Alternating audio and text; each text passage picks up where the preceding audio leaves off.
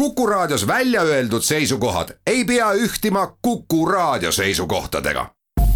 Te kuulate Kuku Raadiot.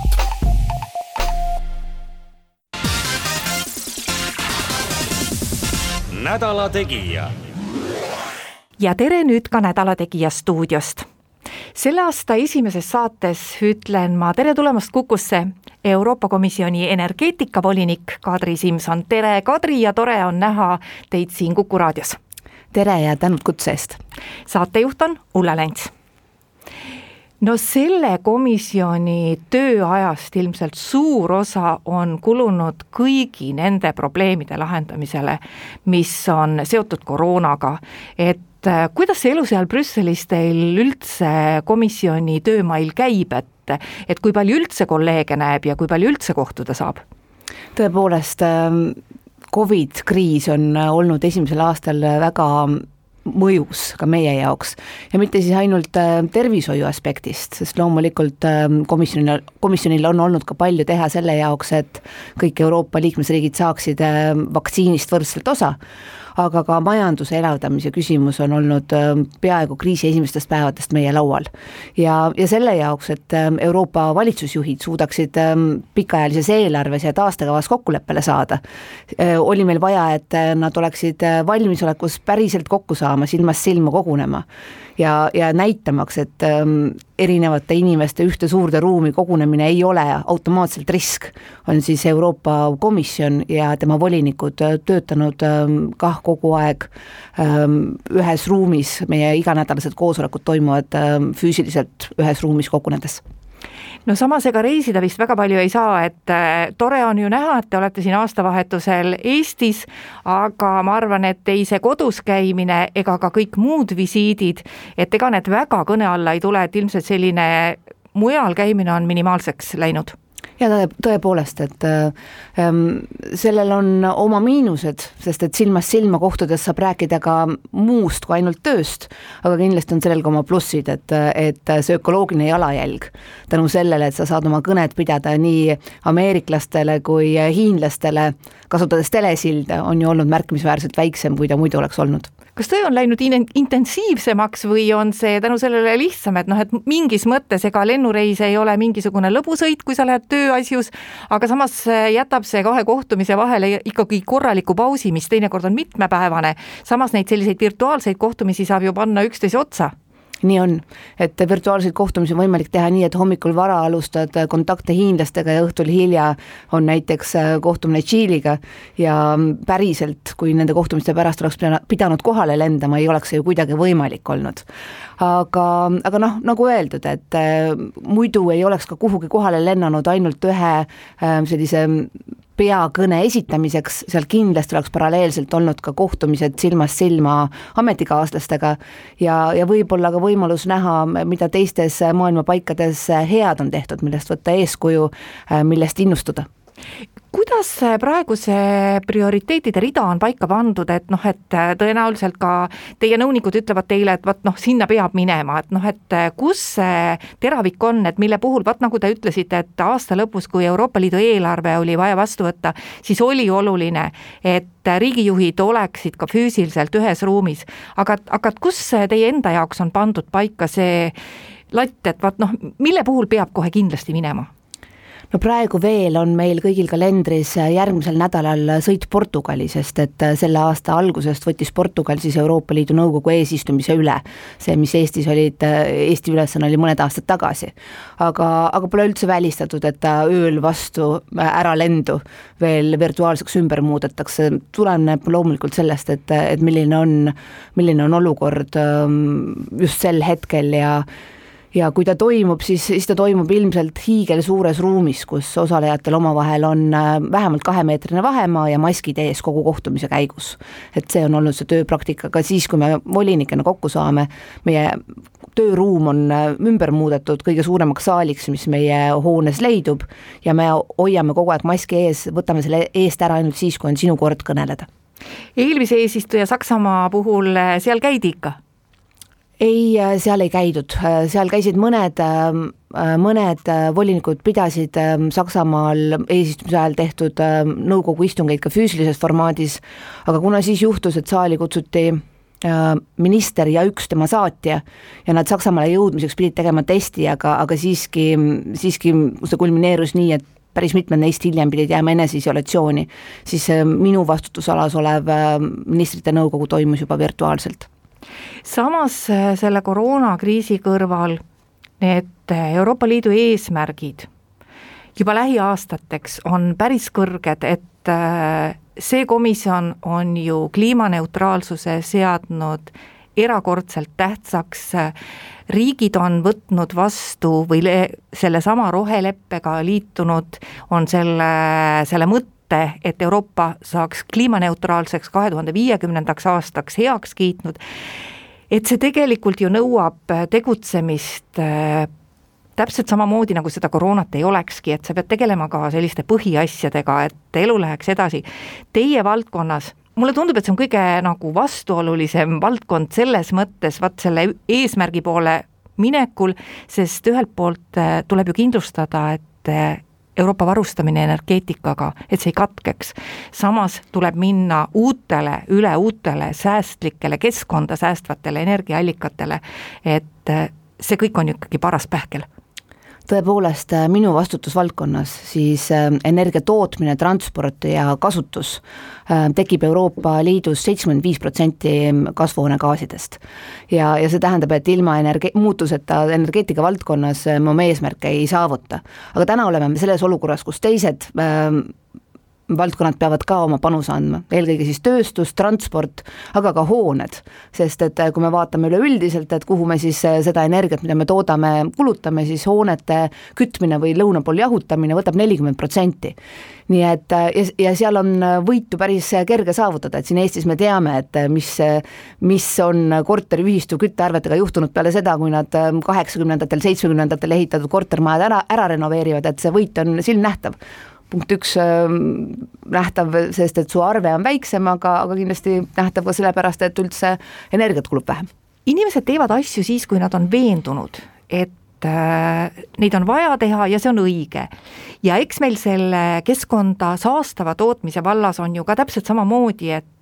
et noh, väga paljud ütlevad, et noh, kogu aeg on ju niimoodi tehtud, et noh, et meil on juba välja töötatud tootmisprotsessid, meil on välja kujundatud põhimõtted ja et noh, võib-olla see asi ikkagi ei ole nii hull, et me peaksime nüüd hakkama midagi muutma, mõtlema lausa midagi välja ja kulutama sinna raha. et vot kus me oleme, et ma arvan, et kui see mõtteviisi muutusest on nagu üle saadud, et siis, siis ei ole kõik ülejäänud nii raske, kuigi see on raske ja kulukas, et kus me nagu selle mõtteviisi muutmises praegu Euroopas oleme? ma arvan, et me oleme päris heas seisus, sest et aina selgemini on teadvustatud, et raiskamine on rumal tegevus ehk et äh, niisama tühja kütmine on rumal tegevus, liiga palju tarbimine, kulutamine millegi tootmisele, mida vaja ei ole, on rumal tegevus. ja selline säästvus äh, meie talupojamõistusega läheb väga hästi kokku, aga ka Euroopa üldiselt, mida iganes me toodame, olgu see kas või alumiinium, me toodame seda maailma mastaabis kõige säästvamalt äh,, kõige keskkonda hoidvamalt nüüd äh, ka selles plaanis oleme me väga heas seisus, et loomulikult uusi tehnoloogiaid kasutusele võttes on vaja teha algstardipunktis suuri investeeringuid. ja kui me aasta ja kuu tagasi välja käisime oma roheleppe ambitsiooni, siis tundus ju, et see hakkab maksma väga palju, aga meil tuli jätkata juba Junckeri komisjoni poolt välja käidud eelarve mahus ja vastu, vastupidi, mitte isegi täi-, täismahus, vaid oli mitmeid riike, kes ütlesid, et äkki saaks ikka veel eelarvet vähendada ja, ja täna oleme me seisus, kus lisaks sellele üle ühe triljonilisele eelarvele on ähm, liikmesriigid kokku leppinud ka taastepaketi, mis on seitsesada viiskümmend miljardit. ja, ja on ka kokku leppinud, et sellest kolmkümmend protsenti läheb just kliimaeesmärkide käivitamiseks, nii et iga liikmesriik, kes saab seda raha kasutada, ei saa seda panna kuhu, ähm, kuhu iganes poliitiliselt ähm, selline kasulik tundub vaid, vaid kolmkümmend protsenti peab olema kliimaeesmärkide saavutamiseks. ja,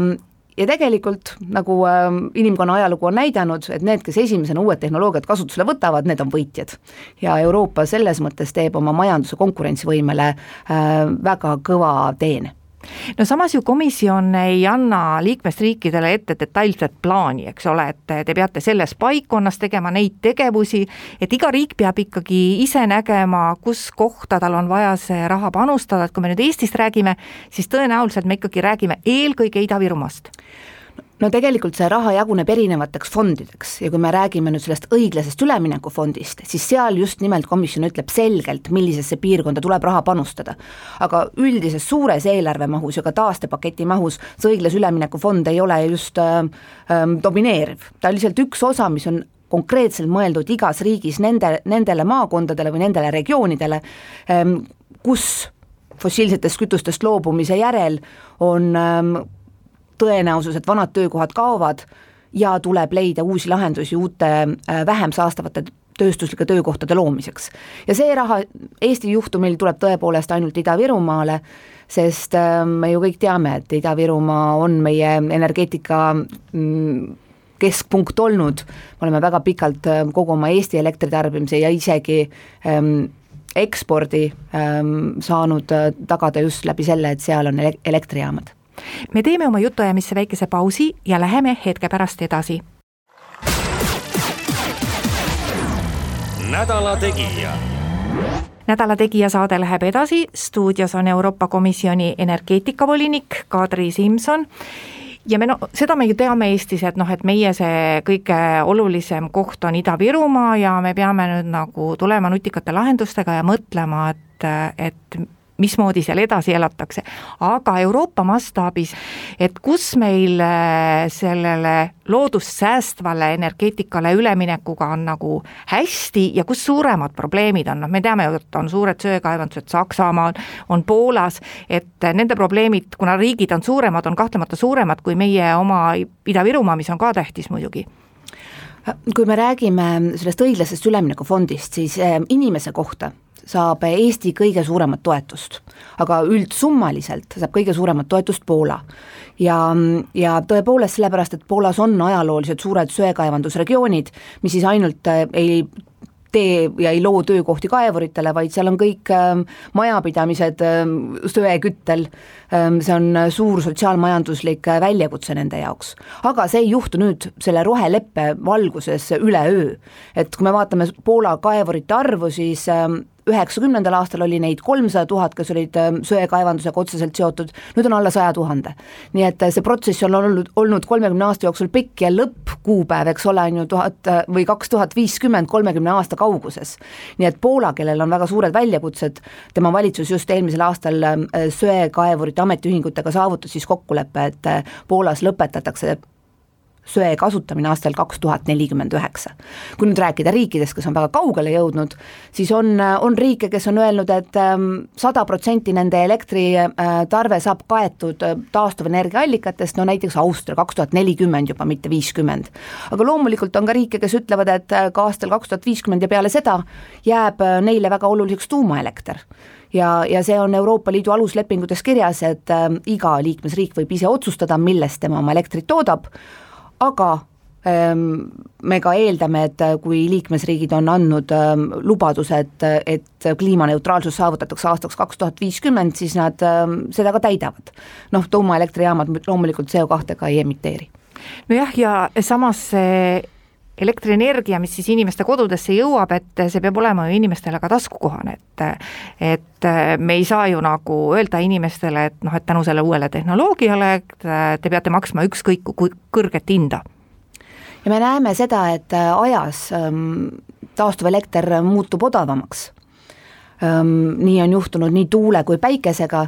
ja loomulikult ähm, täna on ju äh, meeletu teadus-arendustegevus, et leida veel lahendusi, mis, mis võivad olla mm, abiks kahe tuhande viiekümnendal aastal,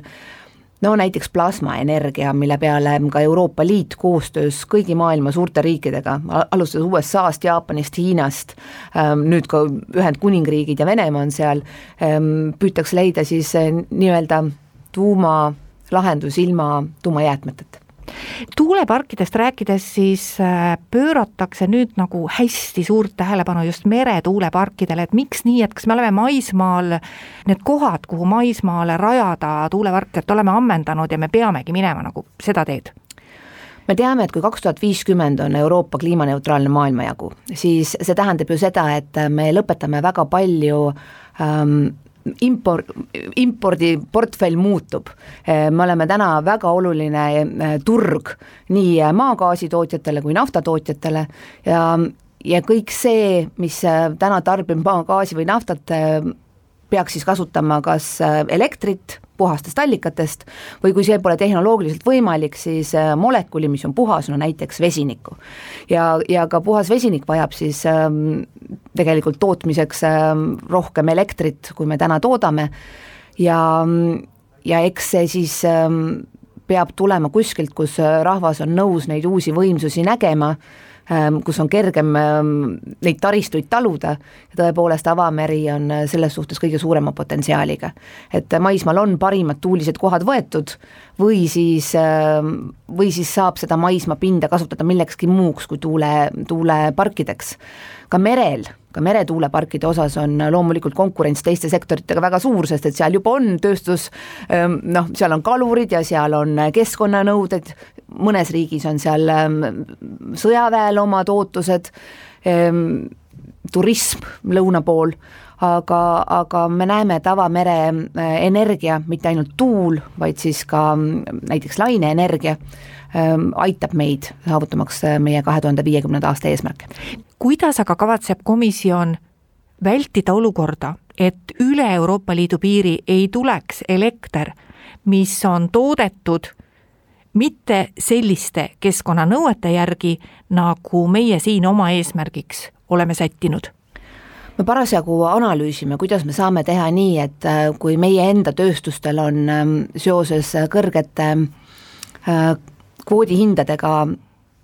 vaja muutuda aina puhtamaks, et me samas ei paneks neid tööstuseid siin kinni, olgu see siis elektri tootmine või alumiiniumi tootmine ja ei hakkaks äh, seda kaupa mm, sisse tooma siis naaberriikidest, kus äh, samasuguseid ähm, ähm, põhimõtteid ei järgita. ja, ja tõesti, selle analüüsi all on, on nii alumiinium, teras äh,, tsement kui ka elekter ja küsimus ei ole ainult ähm, Soomes, Eestis, Lätis, Leedus, kes äh, mõne, mõne, mõne osa oma vajadusest saavad kaetud Venemaa elektrienergiaga ja Venemaal on söejaamad, ka Kaliningradis äh, ehitatakse uut söejaama küsimus on ka Hispaanias, kellel on ühendus Marokoga, küsimus on ehm, Lääne-Balkanis, kuhu ehitatakse uusi söejaamu ja neile tuleb anda selge sõnum, et selline investeering ei tasu ennast ära, kui te mõtlete seda investeeringut teha selle jaoks, et et ehm, tagada kaubavahetus Euroopa Liiduga. ja, ja ja see analüüs on siis aluseks selleks, et, et juunis, kui meil tuleb väga suur ähm, seadusandlik pakett, käia välja ka siis need, need sektorid, kus siis piiri Äh, rakendust kaalutakse. ja see täpselt oleks siis see, et äh, meie kaubanduspartnerid kas ise viivad äh, ellu samasuguseid keskkonnapoliitikaid nagu meie, või kui ei, siis, siis nad vähemalt ähm, tariifiga ähm, leevendavad selle, selle vahe ära me teeme siinkohal oma jutuajamisse natuke pikema pausi ja läheme hetke pärast edasi. Nädala Tegija nädala Tegija saade läheb edasi, stuudios on Euroopa Komisjoni energeetikavolinik Kadri Simson. no nüüd viimasel hetkel meil tuli ikkagi Brexiti lepe ka, et kuidas meie suhted Suurbritanniaga vaat just nimelt selle puhta tootmise osas on, et kas nendele said ka pandud sinna lahkumisleppesse mingid punktid, mis kohustavad neid noh, just nimelt eh, oma tootmist hoidma, kui nad tahavad Euroopa Liiduga kaubelda, eks ju, et oma tootmist hoidma ikkagi keskkonnahoidlikku ja liikuma nende samade eesmärkide suunas kliimaneutraalsuse vallas, kuhu Euroopa Liit tervikuna läheb see oli üks äh, viimaseid peatükke, mis sai suletud ja mis oli vajalik selle jaoks, et äh, Brexiti leppega äh, toimuda saaks. ja, ja tõepoolest me omalt poolt Euroopa Liidu poolt siis soovisime garantiisid, et kõik need kõrged standardid, mis praegu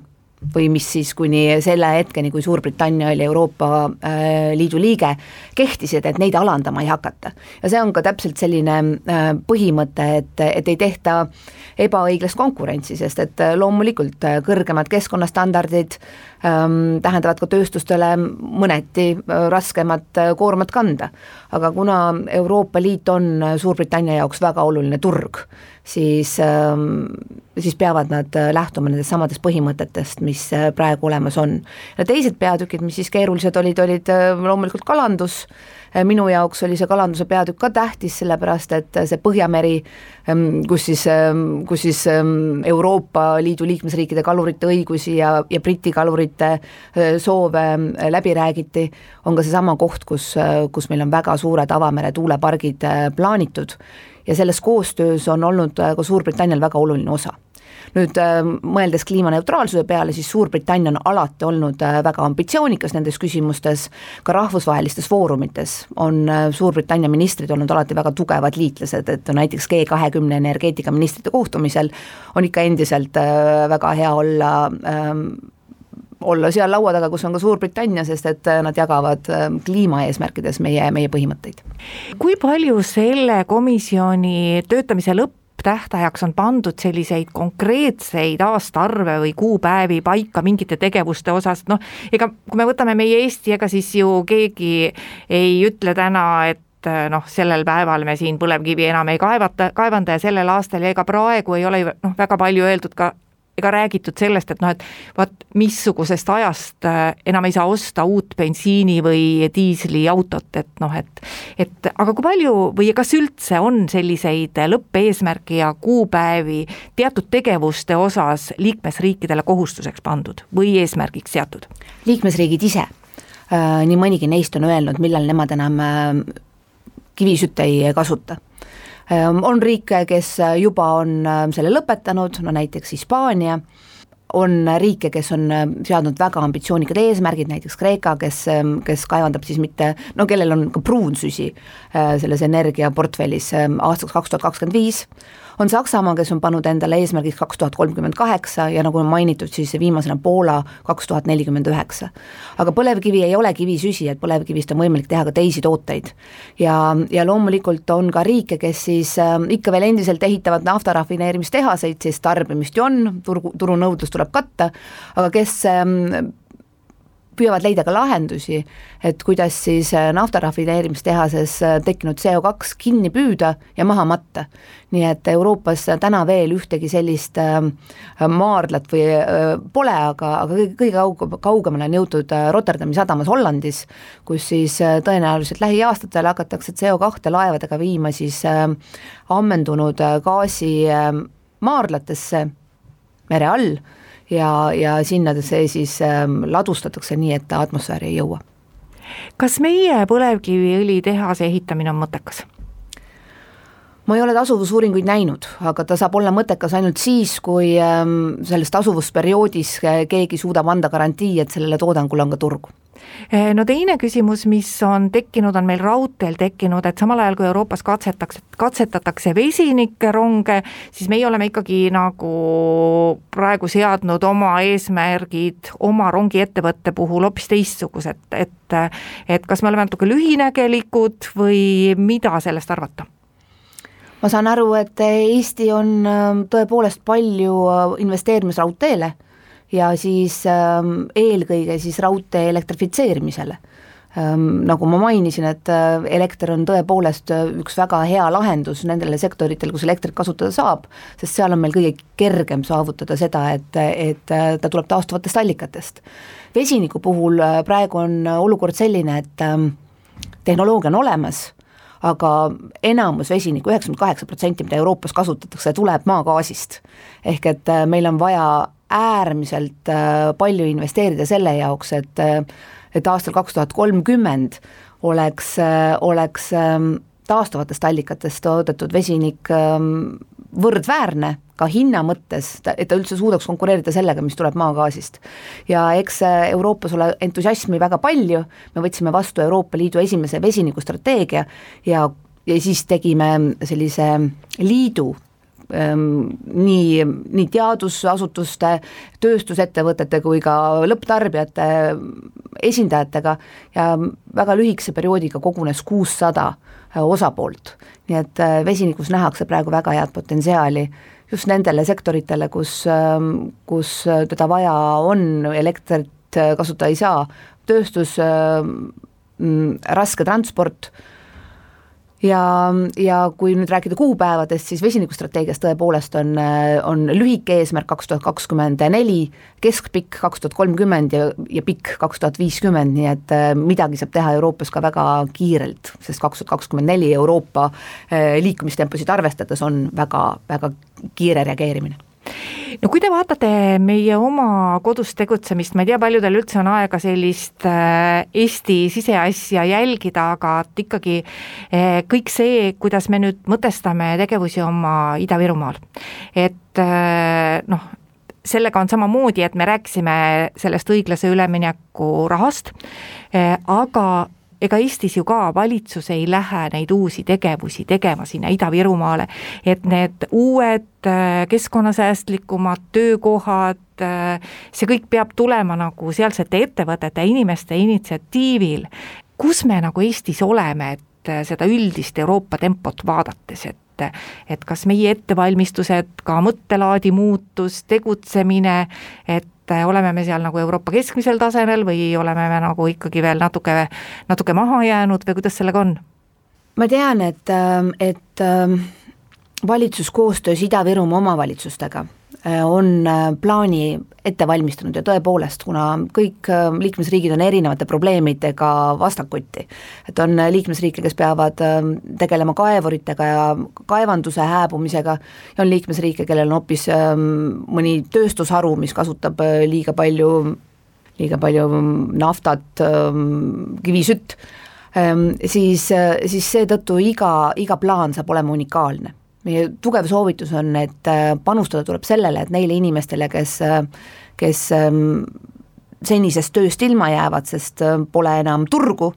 ähm, tekiks uus töökoht samasse piirkonda. me tahame, et ähm, see suur muutus ei tooks kaasa spetsiifiliste piirkondade hääbumist, nii et inimestel ei ole midagi teha ja, ja noored peavad lahkuma sinna, kus tööd on ja, ja nüüd on näha, et erinevatel liikmesriikidel on erinevaid plaane, et mul oli aasta lõpus võimalik osaleda ühel suurel seminaril koos äh, Poola peaministriga, see oli Ülemsileesias, äh, mis on suur kaevanduspiirkond, ja seal näiteks äh, poolakad siis, kes juba on liidrid elektribusside ja masinate, sõiduautode tootmises, ähm, hakkavad ehitama suuri, suuri autotehaseid. Ida-Virumaa ilmselt on selle jaoks liiga väike, et olla mõnele autotööstusele nagu põhibaasiks aga, aga ma arvan, et midagi on meil õppida ka nendelt riikidelt, kes, kes ähm, suurematel mastaapidel peavad lahendusi leidma. nojah, ja samas ju ei saa mööda ka sellest, et, et kui üldse keegi mingit tehast tahab ehitada ja otsida Eestis paikkonda, siis ma arvan, et Ida-Virumaa inimesed nagu võtavad seda kuidagi paremini vastu, et Eestis ilmselt on kohti, kuhu lihtsalt kohalike elanike vastuseisu tõttu sa ei saa mingisugust tehast püsti panna. et Ida-Virumaal tõenäoliselt ollakse natuke leplikumad sellega. ja eks Ida-Virumaa pluss on ka see, et seal on palju linnu et, äh, et see asustusjaotus ähm, on teistsugune kui, kui mõneski teises maakonnas. Ähm, aga teine pluss on veel see, et Ida-Virumaal ei alustata nullist, et äh, päris pikki aastaid on seal ähm, käivitatud tööstusparke erinevate linnade juures ja, ja saadakse ka aru seda, et töökoht ei teki põllule, vaid et selle jaoks on vaja kommunikatsioone, ühendusi ja, ja ma saan aru, et, et see Ida-Viru ähm, õiglase ülemineku kava kätkeb endas ka paremate ühenduste peale mõtlemist. me teeme ühe pausi oma jutuajamisse veel ja räägime Kadri Simsoniga kohe edasi. nädala Tegija nädala Tegija läheb edasi, stuudios on Euroopa Komisjoni energeetikavolinik Kadri Simson tahaks natuke rääkida Eesti poliitikast ka, et ma arvan, et eh, noh, te ikka tegelete põhiliselt oma tööga, aga et kui te siin Eestis olete, et ma ei tea, et kui palju te näiteks kas või peaministriga kohtute ja kas te ütlete talle ka midagi selle kohta, mis Eesti poliitikas toimub? ma püüan alati Eestis käies kohtuda ka peaministriga ja, ja veel rohkem püüan ma saada tema väärtuslikust ajast oma osa, kui peaminister käib ülemkogudel äh, Brüsselis. Ja eks me, eks me räägime Euroopast ja räägime Eestist ka olete te selles valitsuses, mille juhtpartei on ju teie oma koduerakond, pettunud selles valitsusliidus? et kas, kas võis arvata, kui see tehti, et äh, me jõuame kuhugi siia, noh, kus me Eestis nagu jõudnud oleme? ma olin veel Eestis, kui äh, see valitsusliit loodi ja läbi räägiti koalitsioonileppes, mida see valitsus teha lubab. ja, ja ma arvan, et ähm, tegude mõttes on, on ähm, tehtud õigeid asju. eelkõige kiidan ma seda valitsust äh, kriisi ajal väga vastutustundliku käitumise eest. et ähm, pigem on probleemiks olnud retoorika kui teod. Ehm, see arusaamine, et äh, kui tuleb ootamatu kriis, tuleb inimesi kaitsta ja töökohti hoida, on sellel valitsusel väga selge olnud ja ma arvan, et see on väga vajalik olnud ka kindlustunde tagamiseks Eesti inimestele. No EKRE-poolsed väljaütlemised on meile üsna tihti toonud negatiivset tagasisidet ka välismeedias, kui palju te seda seal Brüsselis kuulete, kas teie kolleegid teevad teile märkusi või, või küsivad midagi selle kohta? Väga harva, sellepärast et tegelikult on Euroopas palju grotesksemaid valitsuste liikmeid ja, ja see, mis eestlastele võib tunduda üleelu suurune ja, ja, ja kõige suurem katastroof üldse Euroopa mastaabis, on vaikne vagur Põhjamaa. Ehm, Euroopa Liidu valitsustes on selliseid ähm, vaba sõnakasutusega poliitikuid ähm, teistes riikides ja neist mõni kasutab sõna veelgi vabamalt no me nüüd sellel ajal, kui äh, koroonakriis ei ole veel kuhugi kadunud ja Eesti numbrid on suhteliselt suured, meil ilmselt läheb kohe siin järjekordne möll lahti sellele abielureferendumi teemal. kas te näete, et äh, peaministril on jõudu ja kas ta peaks selle teema lihtsalt ära lõpetama? Aga see ei ole üldse peaministri kätes, sellepärast et äh, see on ju parlamendi debatt äh, parlamendi debatt, kus sada üks parlamendiliiget ähm, siis hääletusega paika panevad ja peaminister saab selle hääle tagasi alles siis, kui ta lahkub peaministri rollist ja, ja liitub parlamendisaadikute riviga. Ehm, noh, ma laias laastus arvan, et, et referendumeid ei tasu karta, ma olen olnud ähm, Riigikogus, ähm, kohtunud inimestega, kus öeldakse, et, et ähm, üks suurimaid etteheiteid on see, et te tulete küsima rahva arvamust valimistel, siis kui teil hääli on vaja, aga vahepeal te ei küsi. nii et referendum sellisena ju alati hoiab kaasatust üleval, mitte et sellel aastal sellega suur probleem oleks, et kohalikud valimised tulevad niikuinii nii ja, ja ennem neid noh, ennem neid siis äh, kohalikud äh, volikogude juhid tulevad ka presidenti valima, tõenäoliselt see presidendi valimine valijameeste kogus, äh, kogusse jõuab ka sel aastal kas te ise näete head presidendikandidaati või missugune on üleüldse praegu poliitiliste erakondade, mõtlen kõigi erakondade võimekus? Teie hinnangul, te olete ju nii palju näinud neid presidendivalimisi Eestis ja, ja seda kokkuleppimist või mitte kokkuleppimist, et et kui, kas on olemas üldse mingisugune võimalus, et lepitavad erakonnad lepivadki kokku ja president saab Riigikogus valida, on meil häid kandidaate, kelle taha võiksid tulla kõik poliitilised jõud kui keeruline see iganes ka võiks olla ei no muidugi on võimalus, et eh, ka eelmine kord ei jäänud meil president valimata, vaid kõik eh, Riigikogus esindatud erakonnad andsid ju oma hääle Kersti Kaljulaiule. Ehm, ma arvan, et eh, miks presidendivalimistesse nii ettevaatlikult praegu suhtutakse, on täpselt see eelmise korra kogemus, kus nii-öelda rändtuur erinevatest kandidaatidest käis läbi kõik toimetused, kõik telestuudiod kõik vallamajad ja siis lõpuks äh, neist keegi ei olnud piisavalt hea, et, et äh, toetust saada. nii et äh, ju siis seekord ähm, leitakse lahendus teisel viisil, väiksema meedia trummipõrinaga, aga mingit küsimust ei ole, muidugi president valitakse ära kas te muretsete oma koduerakonna, Keskerakonna pärast ka kohalikel valimistel, et võib-olla see olemine selles võimuliidus ei ole Keskerakonnale head teinud ja paljudes kohtades neid valitsuse väljaütlemisi ei mõisteta, noh eelkõige EKRE väljaütlemisi, aga Keskerakond on EKRE-ga liidus, et kas Keskerakond peaks muretsema kohalike omavalitsuste valimiste pärast, eelkõige Tallinnas? Ehm, iga valimise mm, lähenedes peab säilitama kaine pea ja mureliku meele, et, et ehm, kes läheb mütsiga lööma, see kindlasti hea tulemusega ei tule, nii et ma arvan, et Keskerakond äh, võtab neid valimisi täpselt sama tõsiselt, kui ta on möödunud kordadel võtnud, aga ma ei näe, miks peaks äh, noh, et äh, miks peaks võtma eelduseks, et siis on lihtsam, kui, kui sa oled valitsuse tasandil igavesti opositsiooni määratud, miks siis lihtsam on äh, pealinnas valijaid kõnetada, kui siis, kui sul on ka väga vastutustundlik peaminister, kellel endal on olnud ka Tallinna linnapea kogemus. et, äh, et ähm, ma arvan, et Keskerakond valitsuses on kohalikel omavalitsustel olnud imehea partner, noh, kui me nüüd mõtleme erinevate konfliktide peale, siis, äh, siis mõned aastad tagasi, kui Keskerakond veel opositsioonis oli, oli väga sageli kohalikel linnadel-valdadel tunne, et neist rullitakse üle. mitmeid maksumuudatusi tehti nende arvelt ja see kõik on muutunud, et praegusel hetkel linnadel-valdadel läheb hästi ja peabki hästi minema, sest nad, nad on kodanikel kõige lähemal, et ka probleemide lahendusel on nad ju äh, eesliinil ja kõigele vaatamata nii pika poliitilise kogemusega inimesena on teil vahel tunne, et äh, tahaks nagu mõne otsuse peale tulla Eestisse ja aidata kaasa teha mõnda otsust, mida erakond on teinud natuke paremaks, näha, et nad kusagil võib-olla ei saa hakkama ja, ja lihtsalt tulla oma poliitilise kogemusega appi või on selline kiusatus, et haarata telefonitoru?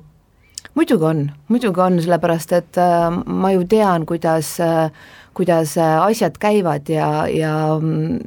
noh, ütleme niimoodi, et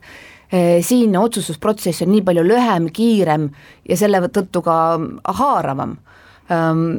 Brüsselis ehm, eelmisel aastal tulime välja strateegiaga, nüüd me töötame välja õigusalaseid akte, siis me hakkame läbi rääkima parlamendi ja liikmesriikidega, see kõik on väga pikk ja väga aeglane ja, ja, ja kui mõni minu algatus eh, päriselt ka jõustub ennem, kui mu ametiaeg otsa saab, siis ma olen väga hästi ja kiirelt tegutsenud see tähendab, et ähm, noh, otsuste välp on viis aastat. samas kui siin ähm, tullakse kokku, tuleb suurepärane idee ja tehakse kiirreageerimist ja ja parlamendiga koostöös on võimalik midagi seadustada loetud nädalatega. nii et, äh, et äh, jah, eks mul ikkagi käivad, äh, käivad aeg-ajalt õhkamised Eesti kiire asjaajamise järgi, aga aga selles rollis, kus ma olen, ma sekkuda ei saa aitäh, Kadri Simson, tulemast Nädala Tegija saatesse. saatejuht ütleb kuulajatele ka aitäh kuulamise eest ja järgmine Nädala Tegija on eetris täpselt nädala pärast, kuulmiseni. nädala Tegija